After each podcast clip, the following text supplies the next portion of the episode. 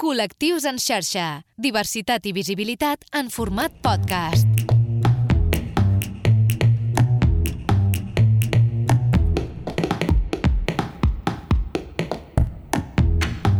Benvinguts al Col·lectius en xarxa. L'intel·ligència artificial és ja una realitat i a cada minut que passa es descobreix una nova funcionalitat que ens aboca a tot un món que encara desconeixem i que a la vegada, els que ja el coneixen, troben la manera de pervertir la funcionalitat i crear nous perills a les xarxes. Fins i tot posant en perill la imatge de tercers. En el programa d'avui descobrirem què és la intel·ligència artificial i el seu derivat, els deepfakes. Avui, al Col·lectius en xarxa, intel·ligència artificial i deepfakes. Comença el Col·lectius en xarxa amb Lluís Rodríguez Lago i Manel Ferrer.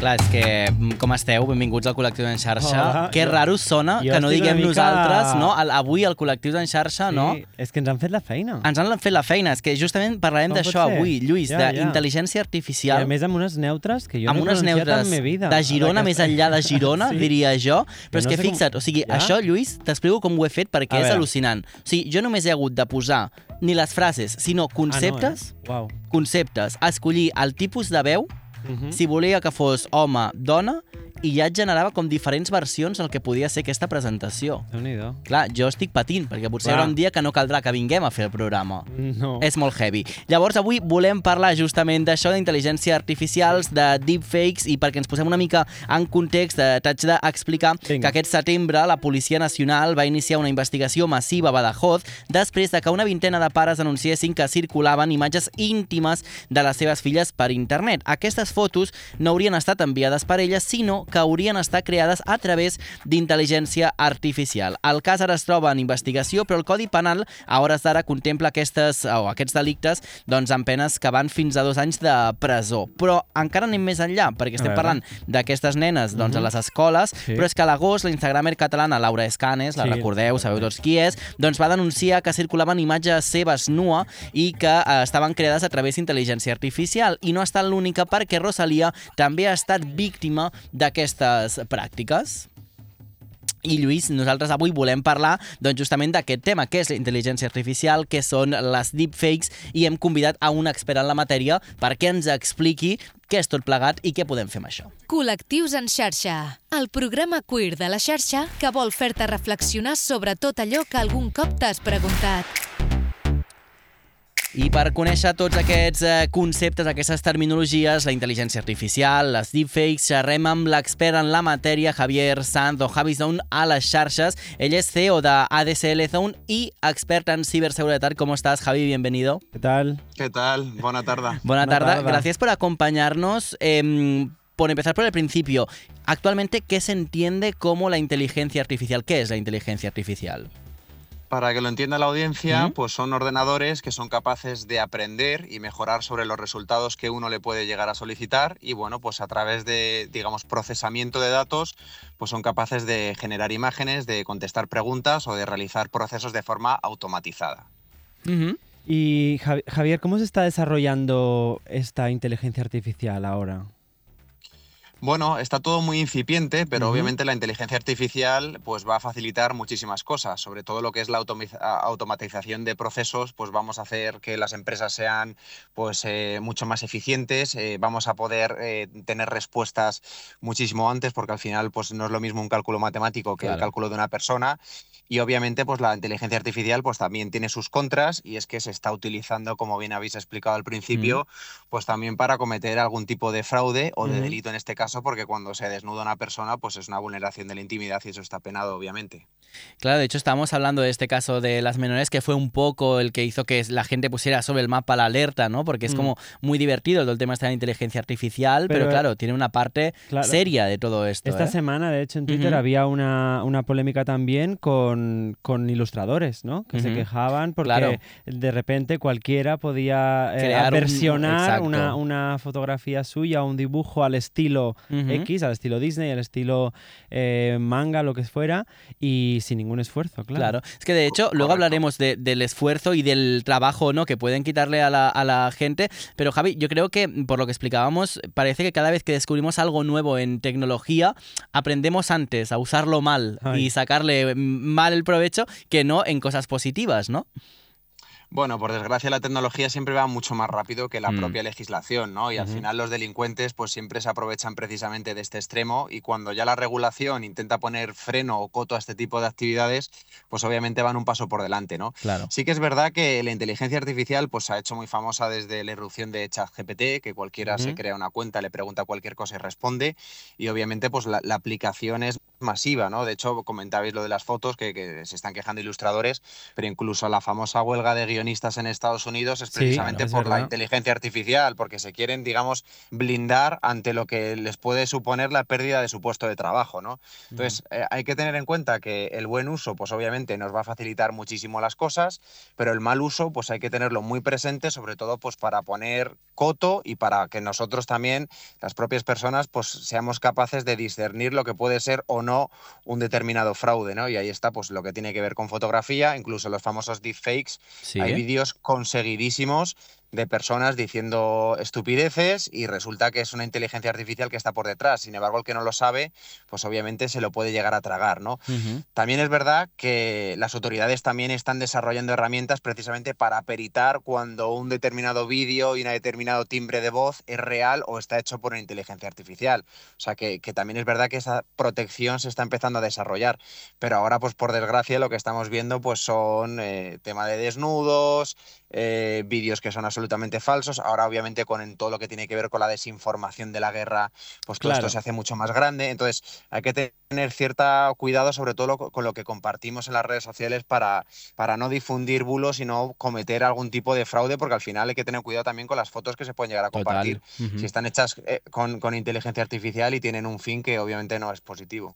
Claro, pero eh, parece ser que, mm, bueno, ya, ya nos hemos hecho un poco expertos en aquello de mirar la fuente de las noticias que estamos viendo, que estamos eh, compartiendo en las redes, pero si ahora también, ahora parece ser que también nos tendremos que hacer expertos en saber si el- las imágenes o Claro. los vídeos que estamos reproduciendo nos están enseñando imágenes que pasaron o imágenes que, que no han pasado nunca y que están construidas por inteligencia artificial, ¿no? Correcto. Surgirán herramientas precisamente para verificar eso. Por ejemplo, yo que dirijo el grupo de Y hacemos y, y escribimos artículos diariamente, ya tenemos herramientas que nos permite saber si un redactor está utilizando inteligencia artificial o no para, para hacer sus artículos, ¿no? Porque obviamente te puede ahorrar muchísimo trabajo preguntarle a ChatGPT sobre un Claro, determinado reportaje y tenerlo de forma automática. Obviamente todo esto también se tiene que mejorar porque todavía a lo mejor incluso te, te lle- te llega a detectar que es una inteligencia artificial un texto y lo ha escrito un ser humano, ¿no? O sea que sí que es verdad que falta esa, esa labor de depuración, pero tendremos este tipo de herramientas y tendremos que pasar los medios de comunicación precisamente por estas herramientas mucho contenido para verificar si es correcta o no la información o, o si está alterada por un ordenador. Es que de hecho, eh, Javier, estamos viendo ejemplos, nos hablabas estos vídeos de gente diciendo burradas, pues que incluso se hace con mm, imágenes y vídeos de presentadores de televisión, es decir, que eh, al final se puede manipular hasta el final. Luego, lógicamente, tiene que comprobar si eso se ha emitido en televisión y si es cierto, pero sí que es verdad que aunque estemos en el principio casi de todo, hay resultados que están muy bien logrados. No, no, hay resultados que dan completamente el pego. Yo tengo ahora una rueda de prensa de Ancelotti y Mm. parece Carlo Ancelotti hablando perfectamente y además gesticulando y demás, ¿no? Y yo sé que es una inteligencia artificial porque lo sé, pero Claro. una persona de a, a pie que a lo mejor no tiene tanto conocimiento, pues probablemente se crea el mensaje. Y hay que tener cuidado porque además todo esto luego se utiliza para hacer eh, acciones virales en redes sociales que rápida- rápidamente se amplifican y hombre, pues hay que tener cierta mesura a la hora de compartir determinados contenidos porque es verdad, puede haber un presentador diciendo alguna barbaridad y resulta que el presentador no ha hecho absolutamente nada y nosotros hemos contribuido pues a menoscabar su imagen difundiendo un bulo que ha creado Claro. alguien con una herramienta, ¿no? Entonces hay que tener cierto sentido común. Col·lectius en xarxa. Segueix-nos a les xarxes socials i a les principals plataformes de podcast. A ver, mm, yo te quería preguntar también, porque aparte de hacer el podcast con Manel, eh, estoy en una escuela y soy maestro. Y esta conversación la tenemos, la tenemos a diario con las familias, la conversación de, cómo eh, educar a los niños, a las niñas en el acceso a, las tecnologías y, en el compartir fotos, en el qué hablar, en el, en el cómo hacer, ¿no? en las redes sociales. Claro, mm, a mí me da la sensación de que si nos esperamos porque también está esta, esta opción, ¿no? Si nos esperamos a que tengan 18 años para ponerles un móvil con todo lo que representa en las manos, hemos llegado muy tarde. Sí, yo, yo, soy partidario de que pues a los jóvenes hay que enseñarles la tecnología, pero ponerles algún tipo de limitación. Es decir, están los filtros parentales que obviamente creo que son necesarios. Yo estaba viendo hace poco un estudio que decían que con 11 años ya había eh, jóvenes o, niños, mejor dicho, que accedían a, a, contenido de adultos, ¿no? Con 11 añitos. y con 8.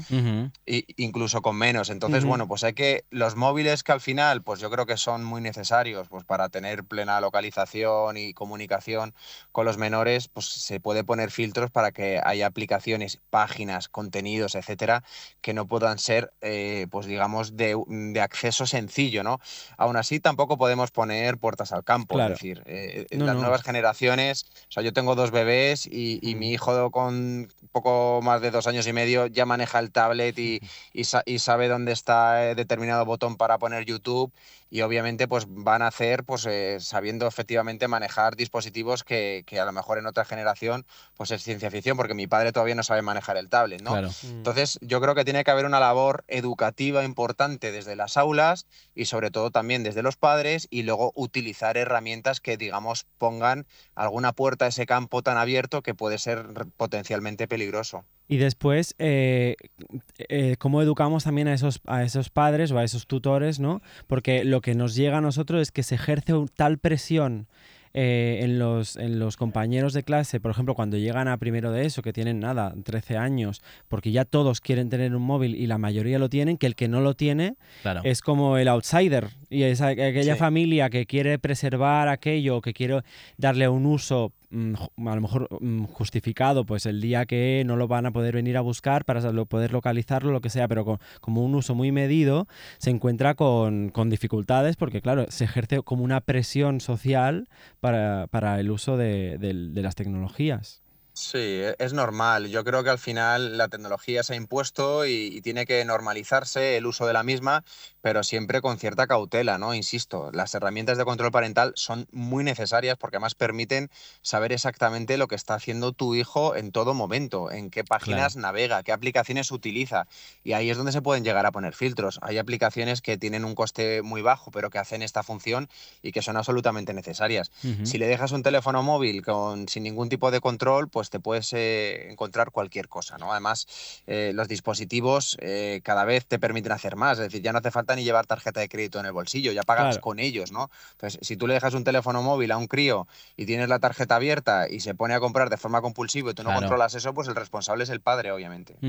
De hecho, Javi, hay una cosa que mm, a mí es las que más me preocupa, no siempre hablamos de la huella digital que dejamos, el rastro que vamos dejando, y sí que es verdad que con el paso del tiempo cada vez vamos, vamos dejando más rastros ¿no? Por donde pasamos, donde nos conectamos, dónde estamos, con quién estamos. Pero el otro día te vi en televisión, que hablabas en un programa de televisión sobre esta moda viral que tuvimos hace muy pocos días, old school, ¿no? De nuestra foto como si hubiésemos nacido en los 80, 70, 90.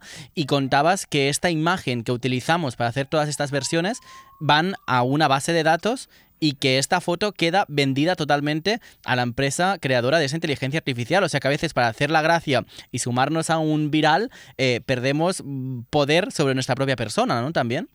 absolutamente. En este caso estamos mandando nuestras imágenes y nuestros derechos a una empresa surcoreana que además cuando uno acepta las condiciones legales le está cediendo los derechos durante tres años y si esta empresa surcoreana se vende a un tercero también le estás cediendo tus datos a ese tercero entonces hay que tener mucho cuidado. Hace no mucho tiempo se puso de moda una aplicación rusa que te permitía envejecer y hacerte determinados filtros y demás. Y estamos hablando de una compañía rusa, que a saber luego lo, lo que puede hacer con tus datos, ¿no? Entonces, en una época en donde todo tiende a lo biométrico, al reconocimiento facial, y que encima hay herramientas de inteligencia artificial que te permite a una persona pues eh, montarle un vídeo, pues hay que tener cierto cuidado y cierta precaución con este tipo de aplicaciones, por muy de moda que se pongan, porque le estamos cediendo los datos a un tercero y todo lo que sea ceder datos fuera de la Unión Europea, pues obviamente a nivel regulatorio, a nivel legal, pues queda uno muy, muy, muy desprotegido, ¿no? Entonces, mesura, que sí, que es muy gracioso, se viraliza rápidamente y la famosa aplicación del anuario de Estados Unidos de Ujú. 1990 ya la han utilizado más de 100 millones de personas en el mundo. Ahí es nada. Per replantejar-t'ho tot, escolta Col·lectius en xarxa. Javi, sabemos que estás acudiendo a otro compromiso. Tú cuando nos tengas que despedirnos dices, chicos, me, me voy, pero de mientras vamos a seguir hablando Sí, con- vamos a seguir contigo, porque... porque- tenemos temas importantes por, por comentarte. Comentábamos al principio también el miedo este, que yo creo que desde que existe el Internet y las nuevas tecnologías, hay mucha gente que dice, llegará un momento que los periodistas dejaréis de trabajar, llegará un momento que los profesores dejarán de trabajar. Bueno, Manel, eh, eh, programaciones didácticas que hacen Claro. con ChatGPT Claro. directos. ¿eh? Y la pregunta, Javi, por lo que tú puedes eh, ir viendo, mm, ¿crees que llegará un momento que habrán eh, funciones y trabajos que dejarán de existir porque eh, serán sustituidos por la inteligencia artificial o aún falta para que esto pase o estamos ya cerca?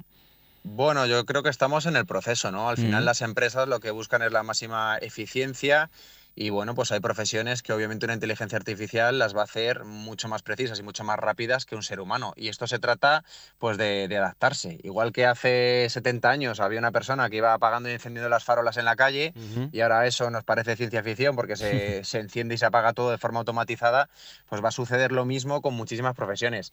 Eso sí, yo creo que los periodistas, eh, los letristas de canciones, los guionistas, al final ese talento humano y esa parte sentimental que puede aportar una persona nunca la va a tener una inteligencia artificial. Entonces, bueno, asumiendo por dónde va el futuro, pues las nuevas generaciones tienen que saber que tienen que estudiar profesiones que les vaya a permitir abrir ciertas puertas, precisamente pensando en lo que va a venir, que está Mm. ya a, a las puertas y que todas las empresas están invirtiendo ingentes cantidades de dinero precisamente para, pues para aprovecharse de- del beneficio de la tecnología, ¿no? Porque al final esto supuestamente está desarrollado pues para que tengamos una mejor vida y todo funcione mejor. Otra cosa es que por desgracia pues siempre se, también, se acaba utilizando Claro. también para cometer otro tipo de fraudes. Antes creo que me ha parecido que lo decías y a lo mejor, ah, bueno, ahora, ahora nos lo explicarás porque la verdad es que yo no sé muy bien de esto, pero parece ser, o tenía entendido yo, que en Europa sí que se están promoviendo leyes para defender al usuario. Sí, eh, la Unión Europea, no solo el usuario, sino también la protección de los datos, digamos que es eh, una de las regiones del mundo donde se intenta poner más coto precisamente a, a este tipo de causísticas que se van a provocar Ujú. eh, en parte por la propia tecnología, ¿no? Es decir, eh, al final hay que tener en cuenta que el 90% de los gigantes tecnológicos están en Estados Unidos y allí obviamente pues lo que intentan es eh, dominar el mundo y bueno, pues en Europa lo miramos siempre con recelo y siempre se intentan poner ciertas trabas, ¿no? Y de hecho pues los gigantes de Internet, Meta, Google, Microsoft, todos estos siempre están muy vigilados por la Unión Europea precisamente pues para intentar proteger a los ciudadanos, ¿no? En cualquier caso, eh, el problema es que si pones demasiadas trabas a estos gigantes, lo que te van a hacer es no ofrecer el servicio. Claro. En su día, Facebook amenazó con salirse de la Unión Europea. Era una amenaza que, más que amenaza, pues parecía una cierta advertencia, pero que no tenía nada de cierto porque sería también un suicidio para ellos Claro. renunciar a 360 millones de usuarios, pero claro, también es, oye, eh, déjame trabajar porque si me pones tantas trabas, pues no puedo desarrollar mi trabajo, ¿no? Entonces sí que es cierto que, que se quiere regular la inteligencia artificial, que tendremos una normativa y bueno, pues vamos a ver hasta, hasta dónde llegan las autoridades para poner ciertos cotos, ¿no? Pero tampoco se puede poner puertas al campo Claro. ni frenar el desarrollo tecnológico. Lo que, que- ¿Qué piensas tú de este tipo de amenazas? Porque eh, en el sistema en el que vivimos, eh, quiero decir, eh, capitalismo puro, eh, se va Facebook, Facebook de aquí, nace una empresa en Europa, ¿no? Y, ¿O qué? ¿O me estoy equivocando yo? Bueno, lo, hemo- lo- lo hemos visto en Rusia cuando estalló la guerra con Ucrania, se fueron prácticamente todas las multinacionales y Rusia lanzó su propio McDonald's, lanzó su propio Instagram, lanzó su propio Facebook, todo clones, obviamente. Mm. Y bueno, pues ahí están funcionando en una burbuja, eh, sin estar conectados con el mundo. Y bueno, pues allí parece que son felices, ¿no? Porque nadie dice nada, o por lo menos el, el- el régimen de, de Putin no les deja protestar, ¿no? Ya. Pero yo creo que en Europa, que estamos, eh, somos ot- otro tipo de sociedad mucho más globalizada y, Mm. como bien dices, ca- capitalista, pues obviamente este tipo de empresas siempre van a estar, eh, van a ser las punteras, ¿no? A la hora de, de, mm, ofrecer productos, desarrollos tecnológicos y demás. Y ahí pues trabajarán mano a mano con las autoridades y con el regulador, pues precisamente para que todo lo que vayan a ofrecer pues cumpla con la normativa. Col·lectius en xarxa, ja disponible a la plataforma La Xarxa Més.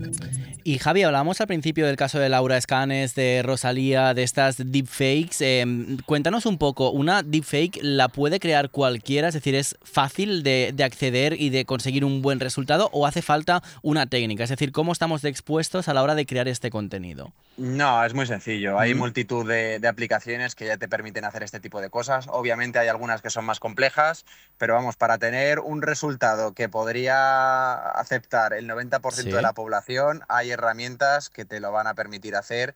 Y obviamente, pues lo que hay que tener es sentido común, porque si lo utilizamos precisamente para cometer un delito, que desnudar a una persona es un delito y difundir la- una foto de, de un desnudo es un delito, entonces eh, lo que hay que tener es sentido común, ¿no? O sea, igual que sabemos que no puedes entrar en un banco y robarte el dinero, Claro. pues tampoco podemos utilizar una inteligencia artificial precisamente para hacer este tipo de cosas. Total, un par de preguntitas más antes de despedirte. Eh, Javi, quería también saber un poco que nos cuentes, eh, porque hemos hablado un poco de la parte negativa de toda esta inteligencia artificial y de estas deepfakes, pero mirándolo por el lado positivo, es decir, ¿qué puede aportar esta inteligencia artificial bien aplicada a nuestra sociedad? Bueno, pues yo he visto, por ejemplo, aplicaciones muy interesantes en agricultura. Eh, Mm. las inteligencias ar- artificiales pueden prever en función de la climatología y la estacionalidad exactamente cuánto producto tiene que ir para fertilizar, cuándo es el momento idóneo para recoger. Todo esto al final es procesamiento de datos y permite pues, que las cosechas sean, por ejemplo, mucho más fructíferas. ¿no? Esto por poner un ejemplo sencillo. Y sobre todo, la inteligencia artificial va a dar mucho juego en todo lo que tiene que ver con el mundo de la salud. Ya hemos visto cómo inteligencia artificial es capaz de detectar eh, enfermedades antes que, que un doctor analizando patrones y analizando datos, porque al final el procesamiento de datos es tan inmediato que son capaces de, de cruzar datos y realizar diagnósticos de forma mucho más precisa. O sea que seguro que en el ámbito de, de la salud ¿Mm? vamos a ver cómo enfermedades se pueden prevenir y se pueden curar y esto va a ser todo gracias a la inteligencia artificial. Y de esto que decías, Javi, ahora me viene una pregunta, a ver si la sé explicar bien, porque claro, todo esto son datos, eh, al final, pues médicos o los que sean, eh, para hacer pues un pronóstico, pero también es cierto que no sé si esa inteligencia artificial de alguna manera se puede sesgar también la información que acaba dando. Es decir, que nosotros eh, tengamos una idea y lo pongamos dentro de un aplicativo, pero que este aplicativo tenga también unos intereses y que el resultado que salga, pues no sé si también puede ser que esté patrocinado o que sea claro. beneficioso para una marca. O sea, que al final eh, Sí, fiarnos entiendo. de un resultado que al igual nosotros estamos dando por bueno, pero al igual está mm, dando beneficio a otra persona o a otra marca o a una, mm, no sé, a una sociedad. Teoría de la Bueno, conspiración, sí, claro, a, pero a- a una, farmacéu- a una farmacéutica. claro, claro. es- exactamente. A ver, en principio la inteligencia artificial está desarrollada para beneficiar al ser humano, no para debería, beneficiar a ¿no? una Claro, determinada claro. empresa. Entonces, vamos a presuponer que no está esa injerencia de, de estos lobbies tan grandes que obviamente pues están ahí, ¿no? Sí que es cierto, y esto lo puedo confirmar, Sí. que ahora que ha habido un, un hackeo de una empresa que analiza ADN y ha afectado pues, a más de 7 millones de usuarios, que hay farmacéuticas que han comprado esos datos en la famosa Internet oscura precisamente pues, para tener esa información a la hora de desarrollar los fármacos. Es muy interesante saber el genoma de 7 millones de personas y Claro. ver exactamente por dónde van a ir las enfermedades de futuro, ¿no? Claro. Al final hay que tener en cuenta que el dinero lo mueve absolutamente todo y por eso detrás de todo fraude informático siempre está la parte económica, ¿no? Entonces, con la inteligencia artificial, bueno, que pueda haber injerencia de un grande, los grandes están invirtiendo en, in- en inteligencia artificial, pero porque les va a permitir ad- eh, adelantarse, sobre todo a la hora de hacer sus inversiones y sus desarrollos, les va a permitir adelantarse gracias a toda esa información que van a procesar mucho más, más rápido que lo hacían antes. Bueno, va a haber, va a haber que hacer un trabajo muy grande sobre la ética de la, de la inteligencia artificial. Eso, es Eso es, evidente. Sí, sí.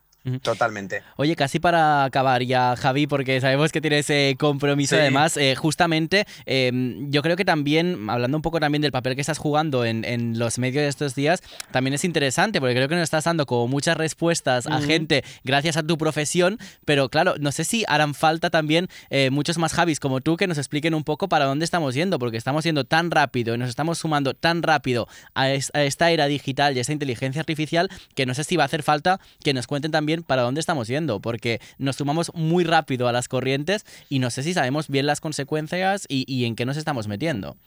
Pues yo creo que sí, hace falta gente que divulgue y que tenga Mm. conocimiento. O sea, yo, yo me sigo formando día a día y, y sigo probando aplicaciones y sigo aprendiendo porque esto, como quien dice, está en pañales, ¿no? Mm. O sea, que evidentemente es positivo y bueno, además va a ser algo que va a dar mucho que hablar en los próximos años, igual que todo lo que tiene que ver en materia de ciberseguridad. O sea, el Total. mundo cada vez está más conectado y ahora se cae un servidor y, y no, y es que se estropea absolutamente todo, ¿no? O sea que, bueno, teniendo en cuenta eso, vamos a, a intentar entre todos pues ponerle foco a la tecnología porque obviamente está desarrollada la tecnología para mejorar nuestra vida, pero hay que saber entenderla y sobre todo pues eh, saber los peligros que también conlleva. Pues nos quedaremos con este mensaje, Javi. Muchas gracias. gracias por habernos acompañado estos minutitos para abrirnos un poquito más el conocimiento sobre eh, las deepfakes y, y- y toda La esta inteligencia inteligencia. artificial que ya tenemos encima. Muchas gracias. Gràcies. Un placer. Que vaya Hasta muy la bien. próxima. Hasta la Adeu. próxima. Adéu. Manel, estem venuts. És que estem venuts totalment, ho estava totalment. pensant, És que perquè no... no, no em vaig sumar a la tendència aquesta de old school, no ho vaig jo fer. això no ho vaig fer. No ho vaig jo fer. vaig pujar un dia dues fotos meves, una del 2017 i una Vale, del... però- vale.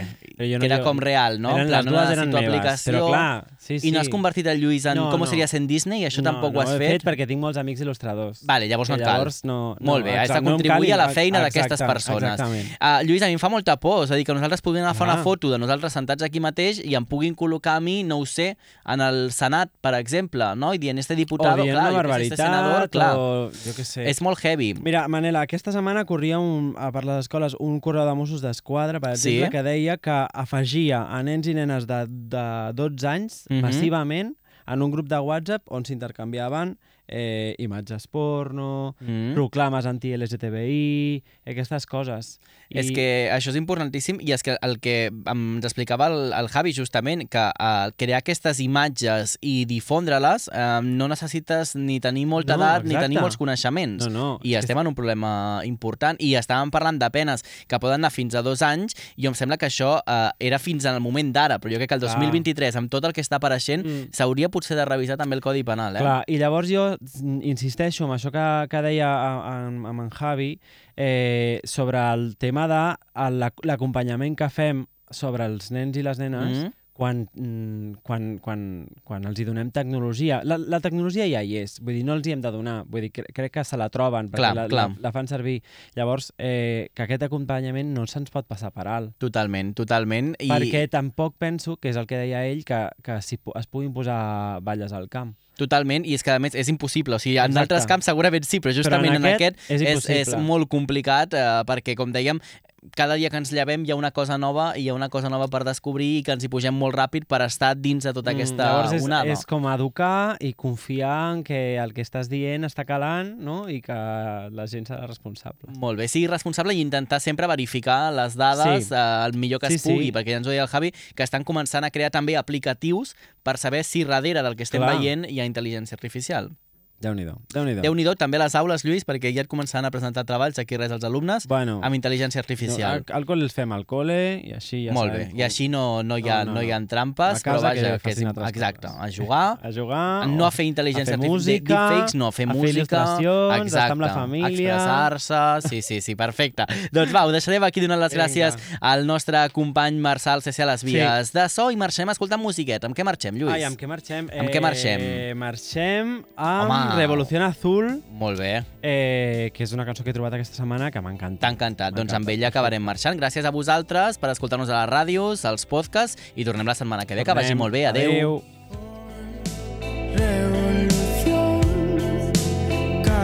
Col·lectius en xarxa, un podcast de Lluís Rodríguez Lago i Manel Ferrer. Son casi las dos. Oigo más voces.